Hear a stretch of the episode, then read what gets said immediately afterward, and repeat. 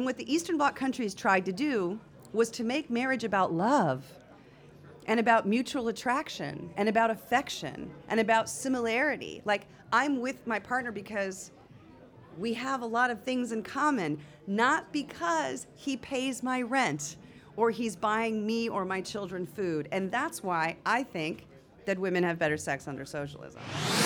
Studio Solidaire at Manifiesta with Kirsten Ghodsee and Iman Ben Matkour. Hello, Kirsten.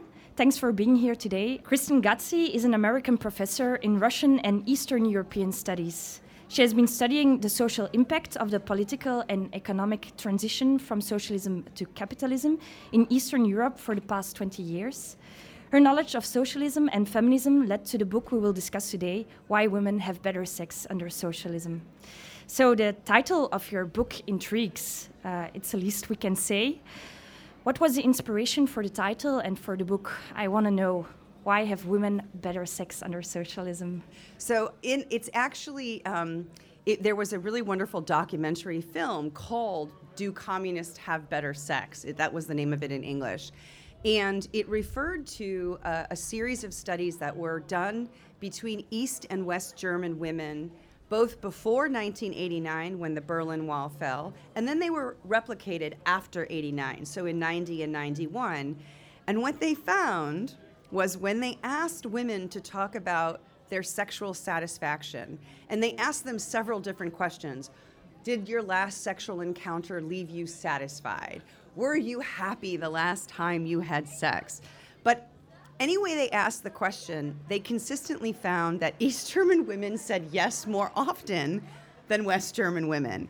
And a lot of people were really surprised at this finding. And so then the question was as a social scientist, this is such a perfect, um, what we call a natural experiment, because you have two populations, the same culturally, divided for 40 years only by their economic and political system. And so when you have this really consistent finding that shows that women in one side of this uh, divide are saying that they have better sex, the natural explanation is it's something about the economic and political system that allowed for women to have greater self-satisfaction in their per- personal lives and private lives. What were those economical, right, um, socioeconomical so, factors? So there are, you know, there are a couple of explanations. Obviously, um, you can talk about the role of the church. Right, so Western Germany was much more conservative in terms of religious life than Eastern Germany was because of greater influence of atheism. But really the thing that I talk a lot about, and that's why the subtitle of the book is And Other Arguments for Economic Independence, is that the East German government, unlike the West German government after the Second World War, where in West Germany women went home and were expected to stay, you know, in the kitchen with the children or maybe go out only to church. But in Eastern Germany, women were given jobs and women were educated and women were mobilized into the labor force. And the, the East German government really, through magazines and various forms of education, really tried to argue that men and women should be equal. And they allowed women a certain amount of economic independence that gave them the kind of confidence so that they were no longer dependent on men. And, and that's really the core of the, of the argument. In societies where you have expanded social safety nets which, which support women in their dual roles as mothers and workers, women have more confidence and more ability to leave unhappy, abusive, or otherwise unsatisfactory relationships. So, is it true that in the old socialist experiments, great strides were made in women's rights and gender equality? Yeah, so I actually think this is a really important history for people on the left to know. And the imbrication between women's rights and workers' rights and socialist ideas really goes back to the 19th century with women like Flora Tristan, who was a French Peruvian utopian socialist living and writing in Paris. People like August Bebel and Clara Zetkin, obviously Friedrich Engels, were all writing about the relationship between the economy and women's rights. And what happens really is that in 1917, uh, prior to the, the 1917 revolution in Russia, you have women like Alexandra Kollontai or Nadezhda Krupskaya or Inessa Armand. These are all Russian Bolshevik women who are very committed to, in the worker state that they hope to build, to incorporate women's rights. And so, in the between 1917 and 1936, when Stalin shuts everything down, you have incredible experimentation with a radical expansion of social safety nets to socialize women's domestic labor. So you have obviously things like kindergartens and creches, but you also have public cafeterias and ca- canteens. You have public laundries. You have mending cooperatives, right? So there's this idea that if you socialize the labor that women do in the home, it's much more efficient. It gets done more uh, quickly and efficiently, and it frees up women to actually pursue and have lives outside not only of the domestic sphere with their partners and children, but more broadly, it really starts to to expand the definition of what it means to be a woman, right? Not just a mother or a wife. But they also had the right to abort and the right to vote also. Absolutely. Women in the Soviet Union, or actually women in Russia, between the February and the October Revolution, get the right to vote. Also, Alexandra Kollontai became the first commissar of social welfare, and she was in a position of great power to implement many of these reforms. Can you just explain who Alexandra Kollontai is? So, Alexandra Kollontai is a really interesting figure. She was herself a theorist of the relationship between women's rights and capitalism and socialism. She was actually an aristocrat uh, who started out as a social democrat. She was a Menshevik and she remained a Menshevik until 1914. And in 1914, after the um, Social Democratic Party of Germany votes war credits to the Kaiser, uh, she becomes a Bolshevik and she ends up siding with Lenin. And uh, Lenin makes her the first commissar of social welfare in 1917. So she was a very, very influential figure, and she um, she was the one, together with some of her colleagues in this Russian organization called the Women's Section, the Zhenotdel. They were the ones responsible for putting into place all of these policies. Now, as I said, including the first country in the world to give women the right to abortion on demand in 1920. Women had the right to divorce, women had all sorts of freedoms, including the right to reproductive freedom. It's all reversed in 1936. But after Stalin's death, it comes back and especially in Eastern Europe in countries like Poland and Czechoslovakia and East Germany, Bulgaria, you have an incredible expansion of women's rights. Now, it's not universal. Places like Romania and Albania were not very good places to be a woman, especially in Romania after 1966. But there was much progress that was being made in this part of the world that we really need to study and learn about so that we can kind of apply some of the experience that they had to the challenges that we face in the present day. I'm going to show you a picture. Okay. Ah, Valentina Tereshkova. Yes. When women were going into space in the socialist first socialist experiments, women, uh, the Western her Western sisters, were still installing their kitchens. Absolutely. This is Why 1963. is yeah. So it's the same year in the United States that Betty Friedan writes this book, The Feminine Mystique, which is believed to have kind of kicked off the women's movement in the United States. But but uh, the uh, launching of, of, of Valentina Tereshkova into space, of course, it starts in 1957 with Sputnik, the launch of, the launch of Sputnik. Uh, until 1957, the American government was very content to let women stay at home with the children in the kitchen, as were many governments in Western Europe, by the way. But what happened in 1957 is that the Americans said, How did the Russians put a satellite into space? How did the Russians put a dog into space? How did the Russians do X, Y, and Z? And what they realized was that uh, in 1957, 13,000 women were graduating in the Soviet Union with degrees in engineering. In the United States, it was less than 100. And so if you think about that, 13,000 women engineers, they had so much more brain power in the Eastern Bloc because they were educating women in science, in technology, in medicine, in all sorts of professions that were in the West still very much reserved for men. And so in 1957, there was a book called Woman Power, where the United States government, the National Manpower Planning Council, basically said, you know what?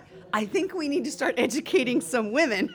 So they, in 1958, they passed the National Defense Education Act, which set aside money for the education of women in mathematics and science. And then in 1963, when uh, Tereshkova was in space, she was the front cover of the New York Times Soviet blonde, first woman in space, right? That's how they referred to her as a blonde, right? Because they didn't know what to do with this, you know. And then slowly, I think what starts to happen, it's this challenge from the Eastern Bloc countries that are really showing that women can be astronauts, women can be mathematicians and engineers and scientists, that suddenly sort of forces the West to kind of say, ooh, maybe we should really do something to educate our women too. Yeah, that leads me to my next question. Did the rapid emancipation of the women in the East have an impact on the feminist struggle in the West or on the consciousness of equal rights between men and women? You know, so I think that there's a there's a kind of two-pronged answer to that. And of course the, the the situation that I'm most familiar with is the United States, but I think there are analogies in many countries in Western Europe. So, in the initial period between 45 and let's say 57, I think the emancipation of women in the Eastern Bloc actually prevented the emancipation of women in the West because a lot of men in government said, "Oh, we if you if you let women outside of the kitchen, you're a communist." Right? Women, any woman who was um, in the public sphere who was speaking, she was a communist and we had McCarthyism in the United States, and many, many women were persecuted as com- I mean, many women they were communists, right? They were they went to the fight in the Spanish Civil War in the 30s. Many Black Americans were communists, right? So there was a, a huge pressure. Anybody who um, was in favor of civil rights, of the equality between Black and white people, anyone who was in favor of women's rights, you were a communist, and that was bad. After 1957, after the beginning of the 60s, as I said, because of this realization that it might be useful to have women in the labor force, suddenly the West tries to catch up with the East. And I think there's a there's a rapid and you especially see this in the discussions about women in what we call the global south, right? Which is the better path to economic development. And many women in Africa, Asia, and Latin America, we saw it with the Cuban Revolution, we saw it in places like Vietnam, they were very much attracted to these leftist parties because they promised women's emancipation. And I think that that's a, that challenge to the kind of capitalist model of development really accelerates the attention to women's rights. And, and especially at the United Nations. It's the communist countries who are the first ones to propose that 1975 should be International Women's Year. And because they propose it, there are these three big international United Nations conferences in 1975 in Mexico City, in 1980 in Copenhagen, and in 1985 in Nairobi. And it's at those conferences that most of the global women's rights frameworks that we have today, they were established from those conferences. And they were directly as a result of superpower competition between the West and the East. And did the fall of socialism had an impact on women's rights also, not only in the West but also in the East. Absolutely.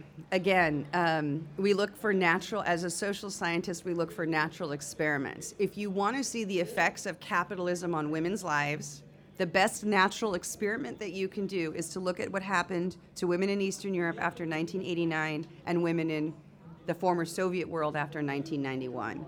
And what we have seen, almost without exception, is that the status of women has declined precipitously. And I can go into many, many, many examples of that. In the West, the last World Conference on Women was held in 1995 in Beijing. And the reason there hasn't been another one is because people are afraid that we'll actually roll back women's rights at the international level. There has not been another big World Conference on Women since 1995. So and what you see all across not just the Eastern Bloc countries, but the United States, is this resurgence of very conservative gender politics, so that there's this fantasy that life would be better if women just went back into the home and took care of the children and, and you know, you know the story. So, yeah, I think there's no doubt in my mind that the fall of the Berlin Wall and the fall of the Soviet Union really kind of stole the thunder of a lot of international women's organizing. But it certainly wasn't perfect under socialism. There was still a painful patriarchal culture. Were there efforts to address this? Was there any perspective to do something about this? Oh yeah. So so first of all, I definitely want to acknowledge that it was not perfect, right? Uh, patriarchy persisted, as it does everywhere. There were great efforts that were made, I think, to to try to change men's point of view. And uh, I have many colleagues in Poland, in Czechoslovakia, in East Germany, my own work in Bulgaria, that shows all of the very creative ways that these state women's committees tried to get men to help out around the house. So here's just a, a short, like very concrete example, which I think is really funny. So in Bulgaria, I, as, as in many places, women cook in the kitchen, but when it comes to making barbecue, men cook outside, right? You know, when you grill. Is it true here too, right? Yeah. Right. Yeah, yeah, yeah. So so the women's committee said, "Okay, men will cook if it involves like something that they think is masculine." So so we have to figure out how we can make certain domestic tasks more manly. And in Bulgaria, when you drink rakia, which is like the local spirit, um, you eat it with meze, which is like a salad, right? And so the women's committee tried to convince men in Bulgaria that women, you know, for meze, they don't chop the vegetables the right way. Like you have to use a big knife and you have to chop them in a specific way for it to be right for rakia. And the thing is, is that it worked. When men suddenly realize, oh yes, vegetable chopping is manly because it involves a big knife or something like that, it, it was a it was an attempt to do um, an attempt to kind of regender domestic tasks. In the end, the truth is that it, it didn't work. And so almost every single one of these women's committees decided that the more progressive way to deal with this is rather than keeping this labor in the home was to socialize it to make more public cafeterias. In Poland, they had milk bars, like little na- neighborhood restaurants where you could get very cheap Polish food, which helped women immensely. Every school had cafeterias for the children every factory had places where women could go after work and get food to take home, either pre prepared or the ingredients for a meal, right? So there were lots of ways of trying to address patriarchy, but by no means were they able to eradicate it. What is the connection between more rights and facilities and the personal relationship between women and men? Does that mean more divorces? Yeah, it does. Uh, Unfortunately, I think that when, um, you know, look, when Alexandra Kollontai, one of the first things that she did in 19, one of the first decrees in 1917 was to take marriage away from the Russian Orthodox Church and to make it a secular institution, which allowed for divorces. And what happened?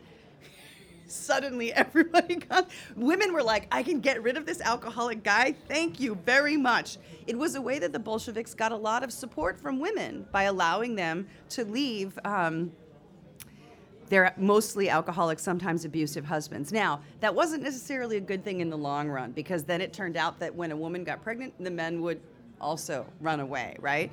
So but yes i mean in one of the things that you see in East Germany, the East Germans were in fact quite proud of their divorce rate. Because they sh- because not only did they have a, a, a high divorce rate, but they had a very high marriage rate. So that people would like leave one relationship but immediately start another one. And that was seen as progress, right? People weren't stuck for economic reasons in their relationships. Look. So it was not only the divorce rights, it was also for economic reasons. Yeah, absolutely. In my country, because we do not have national health care, 25% of women under the age of, of 65, when, when we have national health care, under 65, 25% of women get their access to medical care through their husbands. So if you divorce, you can't see a doctor. That's how it is in my country. So many women, not only for economic reasons, right, but for the basic access to something that should be a human right, they have to stay in a marriage. Many people in my country as well get married for health care. So I have a, a couple friends of mine who've been together for 20 years, and they're journalists, they're freelance writers. And finally, one of them got a job at a university, and in order for her to get health care, they had to get married. That was the only way she could actually see a doctor. So, so you have to understand that in the West, marriage is an economic institution. It always has been. This is what Bebel was writing about. This is what Engels was writing about. This is what Kollontai was writing about. Everybody has been talking about this for a long time. This is not just in the Eastern Bloc. And what the Eastern Bloc countries tried to do was to make marriage about love and about mutual attraction and about affection and about similarity. Like, I'm with my partner because we have a lot of things in common, not because he pays my rent or he's buying me or my children food. And that's why I think that women have better sex under socialism. Poland is uh, attacking the right to abortion. In Texas, also, heartbeat bill prohibits women from having abortions six weeks into pregnancy. What do you think about that? So, the thing is that when right wing governments come into power, or when right wing forces wish to achieve power or consolidate power, the last thing that they want to do is talk about the economic system. So, what do they do? They blame foreigners, they blame minorities, and they blame women. It's always been that way, it will always be that way. What do Greg Abbott, Viktor Orban, and Kaczynski have in common? They're all far right leaders, and they know. Can you explain more about those people? So, yeah, Greg Abbott is the governor of Texas. Viktor Orban is the pri- premier in Hungary, and Kaczynski is the leader of the Law and Justice Party in Poland. All of these uh, are right-wing men who are trying to roll back women's rights, and they also are also very nervous about the declining birth rate among true Poles and true Hungarians, and in the case of Texas, white people, right? Uh, because that's what the American white supremacists are worried about. And so, of course, attacking women's rights and attacking women's right to control her own body is part of a right wing strategy to appeal to a very conservative base. And I think that we're going to see more of this. We're going to see we're going to see it everywhere that you have more right-wing leaders coming into power. There's going to be more xenophobia, more racism, and more misogyny. It's just it's just the way that fascists work, I think. So, for the first time in history of the United States, there is a female vice president, Kamala Harris. But while women are now in power, women's rights, equality between women and men is under severe pressure. So, what measures do you think are necessary to achieve that equality? Right. So the first thing we have to make a distinction between liberal feminism, which is this sort of hashtag girl boss, Hillary Clinton, Kamala Harris, um, Sheryl Sandberg, lean in, let's, you know, get a woman to be CEO or woman to be president and then not care about anybody else. As long as there are a couple of women who are really rich and powerful, then that's fine. We've achieved what we need to achieve. I think the key thing about socialist feminism, again, this goes back to ple- people like Flora Tristan writing in 1843 in the Workers' Union when she it was uh, advocating this uh, workers' union in France. She said, "Women and workers, women and men together need to unite against the capitalist class, against the bourgeoisie." Right? The idea is that you cannot have a society where a f- like you have a rainbow one percent, right? you have a, a, couple of black people, a couple of foreigners, a couple of women. And as long as everybody who is super rich is a nice rainbow, then it's okay that 99% of the population is disenfranchised. That's never going to be a good program for social change. So the most important thing that we have to do is create solidarity among this quote unquote 99% to address the fundamental structural socioeconomic problems in our societies. Is that then the reason that you wrote this book? Yeah, absolutely. I mean, I think the reason I wrote the book was because I hated President Trump at the time, and I felt like I had to do something. I was an academic. I had been writing academic books for for you know many years, uh, writing about the experience of women in Eastern Europe. But I realized after writing this op-ed in the New York Times that very few people knew about this research. So that was the first thing was to make my uh, research relevant to contemporary debates about the role of socialism and feminism. But the other thing that I think is really important is look, in my country, I assume in many West European countries and around the world, people on the left are often accused of being a Stalinist. They're often accused of being, com, you know, some kind of communist dictators, authoritarian, totalitarian. There are all sorts of words that get used to describe us. And the way that that argument is made is by saying, well, look at those horrible countries in Eastern Europe. Socialism was tried, it failed, it was terrible. We're never going to do that again. And the point of this book is to say, yeah, okay, those experiments failed. Their economies didn't work very well. They had lots of internal pro- uh, programs that failed, and they had a lot of problems consumer shortages, travel restrictions, obviously the secret police. But there were many things about those societies that were good, like women's rights, like the emphasis on education, like the emphasis on social equality, like all sorts of cultural programs, sport. I can give you lots of examples. My specific expertise is women's rights. Even in West Germany today, the western part of Germany, where they're very anti communist, mainstream publications will begrudgingly admit that, okay, yeah, well, the East Germans did a lot of good things for women, right? So I think that one of the things that we have to do as we think about how to craft kind of a socialist future for the 21st century is to go back and look at these experiments from the past, get rid of all the bad things, but try to find all of the good things that we can salvage and rethink those good things so that we can you know move forward knowing the history knowing the possibilities of the future and together build a more just equitable and sustainable world Okay, thank you so much for being here today. Thanks so much for having me. It was really a pleasure. Studio Solidaire.